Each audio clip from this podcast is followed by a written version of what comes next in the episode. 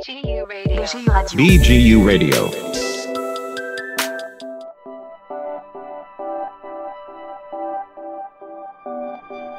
This podcast is a production of Ben Gurion University's Global Health Summer Course, hosted by Professor Nadav Davidovich and Dr. Anat Rosenthal. BGU Global Health, where health goes global.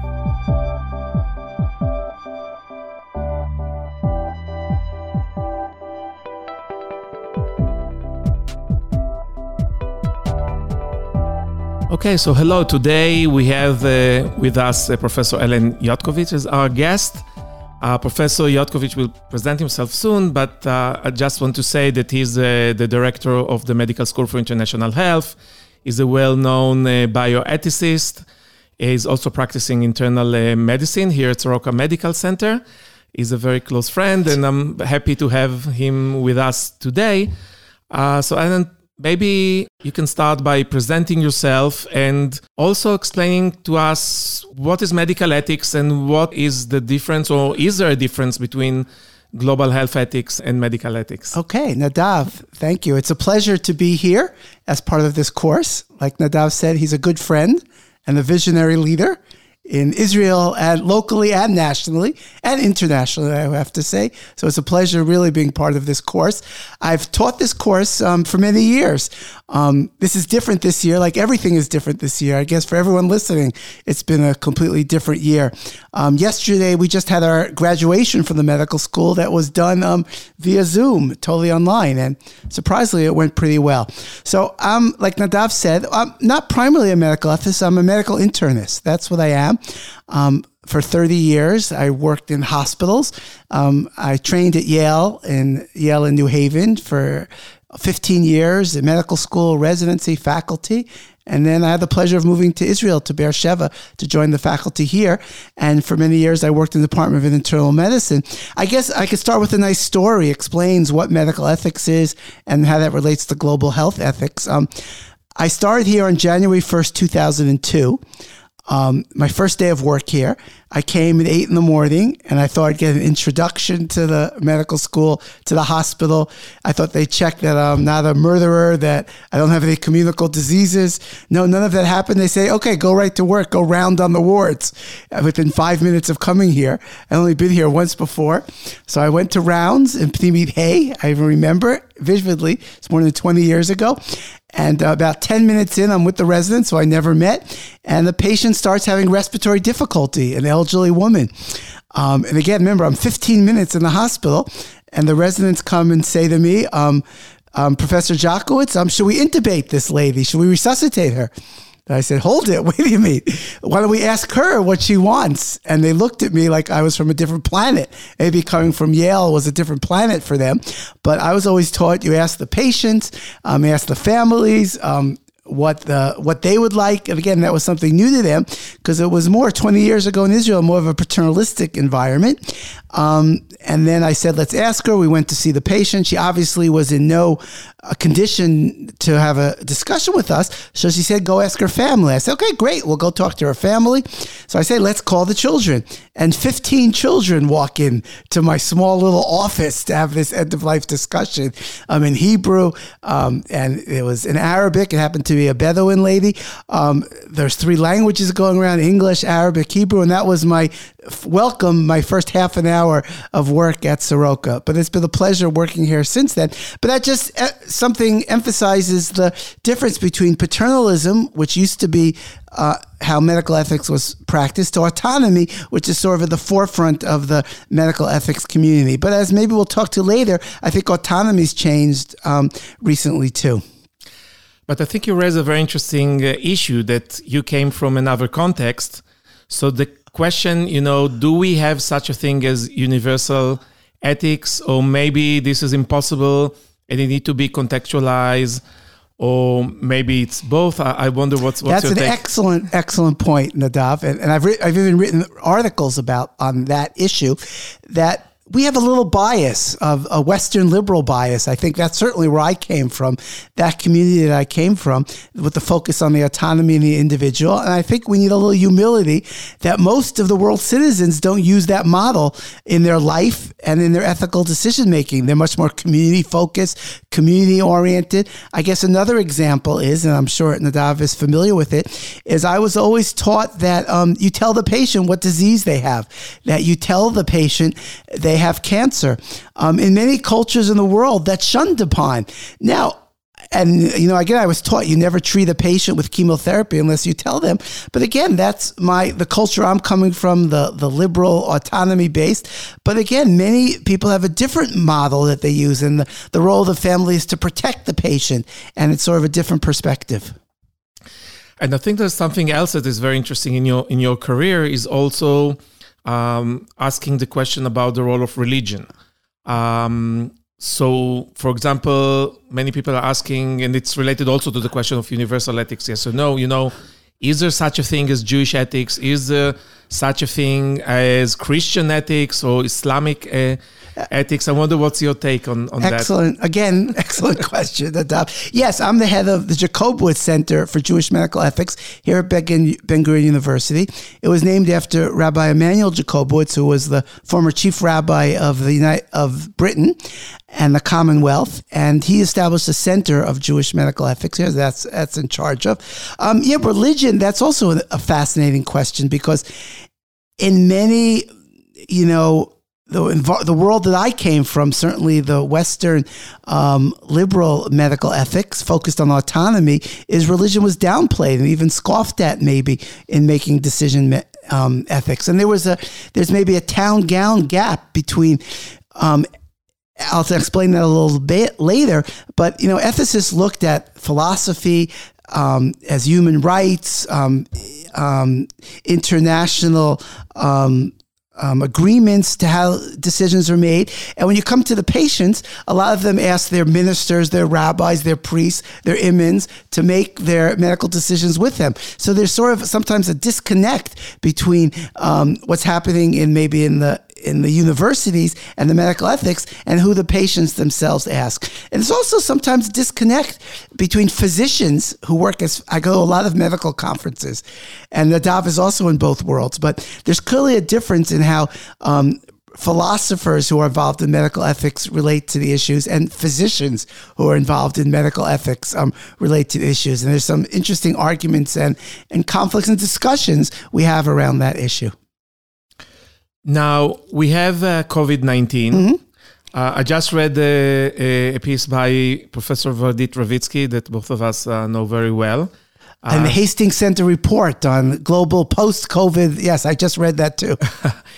um, and that's something that we are discussing now all the time, you know, about the continuities and discontinuities of COVID 19, you know, because of course lots of issues were discussed before uh, sometime you know when you're in the middle of a pandemic it seems that it's uh, you're just so much engaged and it seems that there's nothing else. Uh, and of course we still need the perspective when we'll be out of it you know in several years to see what really uh, happened. Um, so I, I, wonder what, what's your take? Maybe if you can tell us because i know that you were involved in some of uh, the discussion about uh, covid-19 but um, so if you can give an example but also trying to reflect, you know, is it really, um, do we have a disrupt here? Are we moving to something like a post COVID 19 bioethics? Uh, Vardit, for example, is writing that, you know, we cannot now ignore issues of social justice, for example, because we see the inequities uh, that are involved in all countries. We see how people from lower socioeconomic group are suffering. We see what's going on in the United States country that they don't have universal healthcare. So um, I wonder what's your take about this COVID 19 and if you can tell us a bit about your experience now in, in real life uh, ethical questions. Yeah, thank you, Nadav. It's funny, at, at my graduation um, yesterday, um, some of the parents were commenting, enough about COVID, talk about the graduates. but it's hard not to talk about COVID. And that's everyone's, even my six year old granddaughter is talking about COVID and Corona. So it's affected everyone. I think the world will be a different place. Certainly, you know, medicine will be different. Um, so I'll talk about on a local level and sort of on a on a national level, international level. The question, what I've been involved with, um, and this really directs right to to um, bioethics, is the question of triage and allocation of resources. What um, a lot of people don't realize, I think, before the epidemic, is that physicians triage every day. That um, um, certainly at my hospital, um, and certainly right americans and people in the western world and the richer countries you know were sort of divorced from this issue. They didn't realize how we triage people who have who have health insurance it's sort of less of an issue for them because they think they're entitled to everything. But as nadav said there's a a great percentage of, well, two things. In the rich countries, there's citizens without health insurance, and there's countries without any resources. So, um, so it's sort of been a wake up call for a lot of people, this issue of triage and, and ventilators and shortage of ventilators. So, what I've been involved with and writing a lot about and, and on um, committees and international task force is when the question of shortage of ventilators came up. Um, certainly in Italy, it was an issue.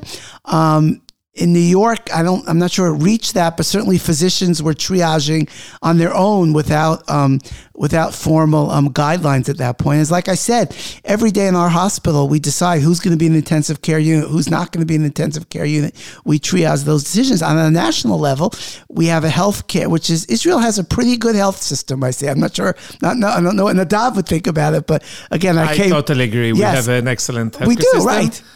Uh, we have problem of resources uh, and priorities, but uh, we do have. Oh, that's nice. right. good- Co- yeah. Coming from the United States, we have a very good healthcare system. There's universal health insurance, and we also have an understanding that you can't have everything. So, and we try to deal with it, not in the best way sometimes, but at least we have the discussion. So uh, we're lucky here in Israel that every citizen has health insurance and has the right. And again, I think we both agree that should be the model for the world. That that um, and it's kind of crazy that it hasn't happened yet. But that's that's I don't think that's the issue here. But what I've talked about is triage, and there sort of was um, was a consensus, and I'd be interested in what Nadav would say about this. That we treat the we treat the people have the best chance of of we treat the people. If we have a choice to who to treat, we try to treat the people have the best chance of survival. I think that was a, a consensus that most ethicists and even religious leaders would sort of have that that um, agreement. It sort of comes from the battlefield. That's where we talked a lot. Is that the paramedics and the emergency room docs have great experience in this is that we treat the people we could save. And I think there was a consensus on that. And that's sort of how we built our paradigms that we went about that. But then it got very interesting. And I was always, I thought that was a reasonable way to go. But now I'm questioning myself. And I'll tell you why I'm questioning myself because, um, well, number one, people with disabilities have been said. So it's does dis, does having a disability give you a worse chance of survival? So that's a medical question that we have to, that we have to look at. We have to get the facts and information. Good ethics begins with facts, as I always say. You, a lot of people talk about medical ethics without having facts. You need facts before you talk. And maybe politicians could learn that lesson too. But first, you need the facts to talk about. So, is certain disabilities have a worse outcome? But that's only part of the questions. But if that's true, then by putting that into our equation, are we discriminating against people with disabilities? And a lot of these committees do not have representation of people with disabilities, which I think was a big mistake when they were formed, that they have to be stakeholders in this discussion. So that was one issue. Um, and then the second issue where it came across is it's clear from a medical standpoint that people with chronic decision with chronic diseases, not only that they are more risk, but certainly diseases put you at worse chance of survival. If you have um, bad congestive heart failure, bad pulmonary disease, um, it puts you at a worse prognosis for um, post intubation and survival. But then what people have been saying is a lot of people have those conditions because of poor access to care, and it's not their fault. Uh, Not that it's ever anyone's fault, but the system put them in that position that they didn't have the access to care. They couldn't afford the medication. They didn't have the highest level. So because of that bias against them, now we're going to create a second bias against them in creating our triage paradigms, which I think is a good question and something we sort of have to stop and think about that maybe we have to go beyond our simple way of just looking at outcomes and sort of step back and try to understand where that came from. You, you raised a very interesting point of representation, and um, you mentioned already physicians, uh, and of course with the other healthcare workers. You mentioned philosophers, uh, and of course there are other disciplines. I can think about Social historians. I can think about anthropologists, social workers, um, and again going back to this question of one representation, second the different understanding of context. So can you tell us a bit more about your, your perspective about uh, who should be around the table actually? Okay so it's interesting. Um, in baltimore um, even before the covid um, they started a project um, to sort of get what uh, i don't want to call it what what ordinary citizens think about the triage, they should be part of the discussion. Nadav said philosophers, anthropologists, okay, but they went beyond that and said just the people on the street, and they started having um, meetings, town hall meetings with people. And I think we have to increase the representation of um, um, beyond um, the academic, the community. I think we have to clearly, when we make these decisions.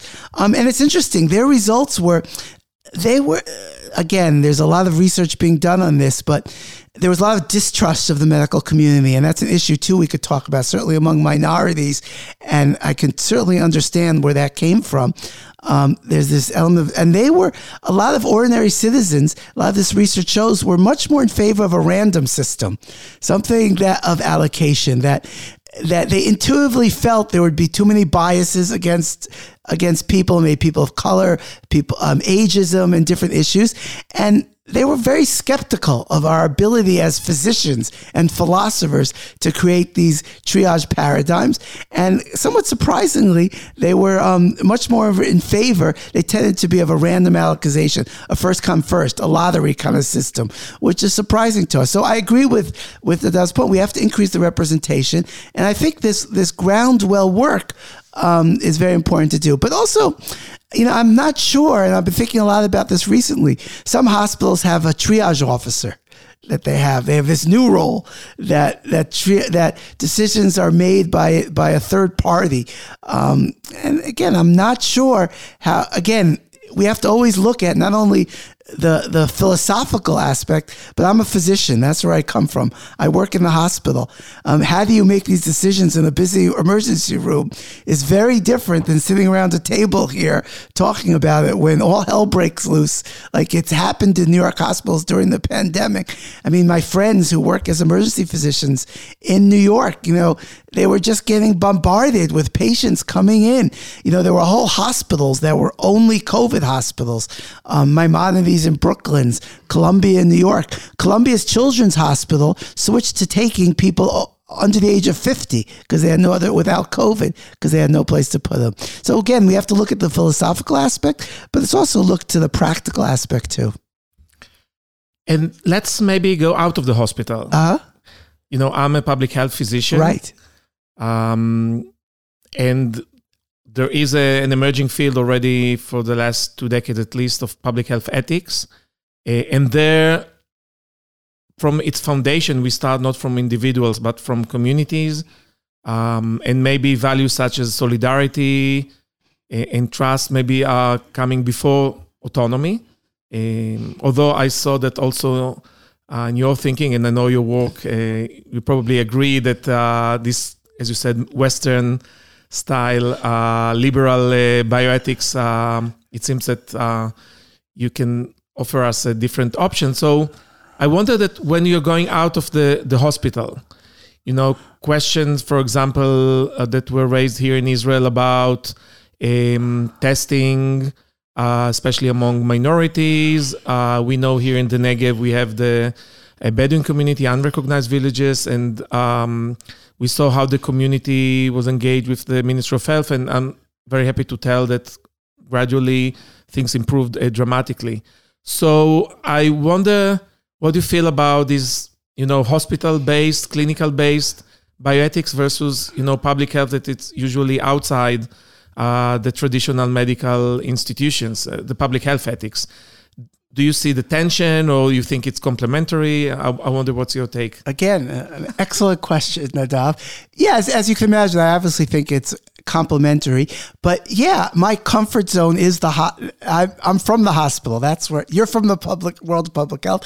I'm from the hospital. So I um and I'll just what I've gone through my journey, but right, I usually deal with with individual patients. That's what I deal with in clinical ethics, um, and that usually deals with the individual patient. But what this COVID, partly what this COVID epidemic has taught us is that that can't be the starting point. That um, and clearly, um, issues autonomy cannot be um, the only issue that we look at. And and I and what I've learned from this, I think we all need to learn within the bioethics community, is the interconnectedness of the world. I think that's a that and the and the impact of globalization. That it's impossible, no matter how hard people think, just to look at your own hospital, your own community. You have to look at the whole world. We try to and and the impact that that's what's happening in a in a small town in Peru, in China. It's going to impact in our town in Beersheba, and people have been saying that for years and this taught us that that what that everyone's seen the truth of that observation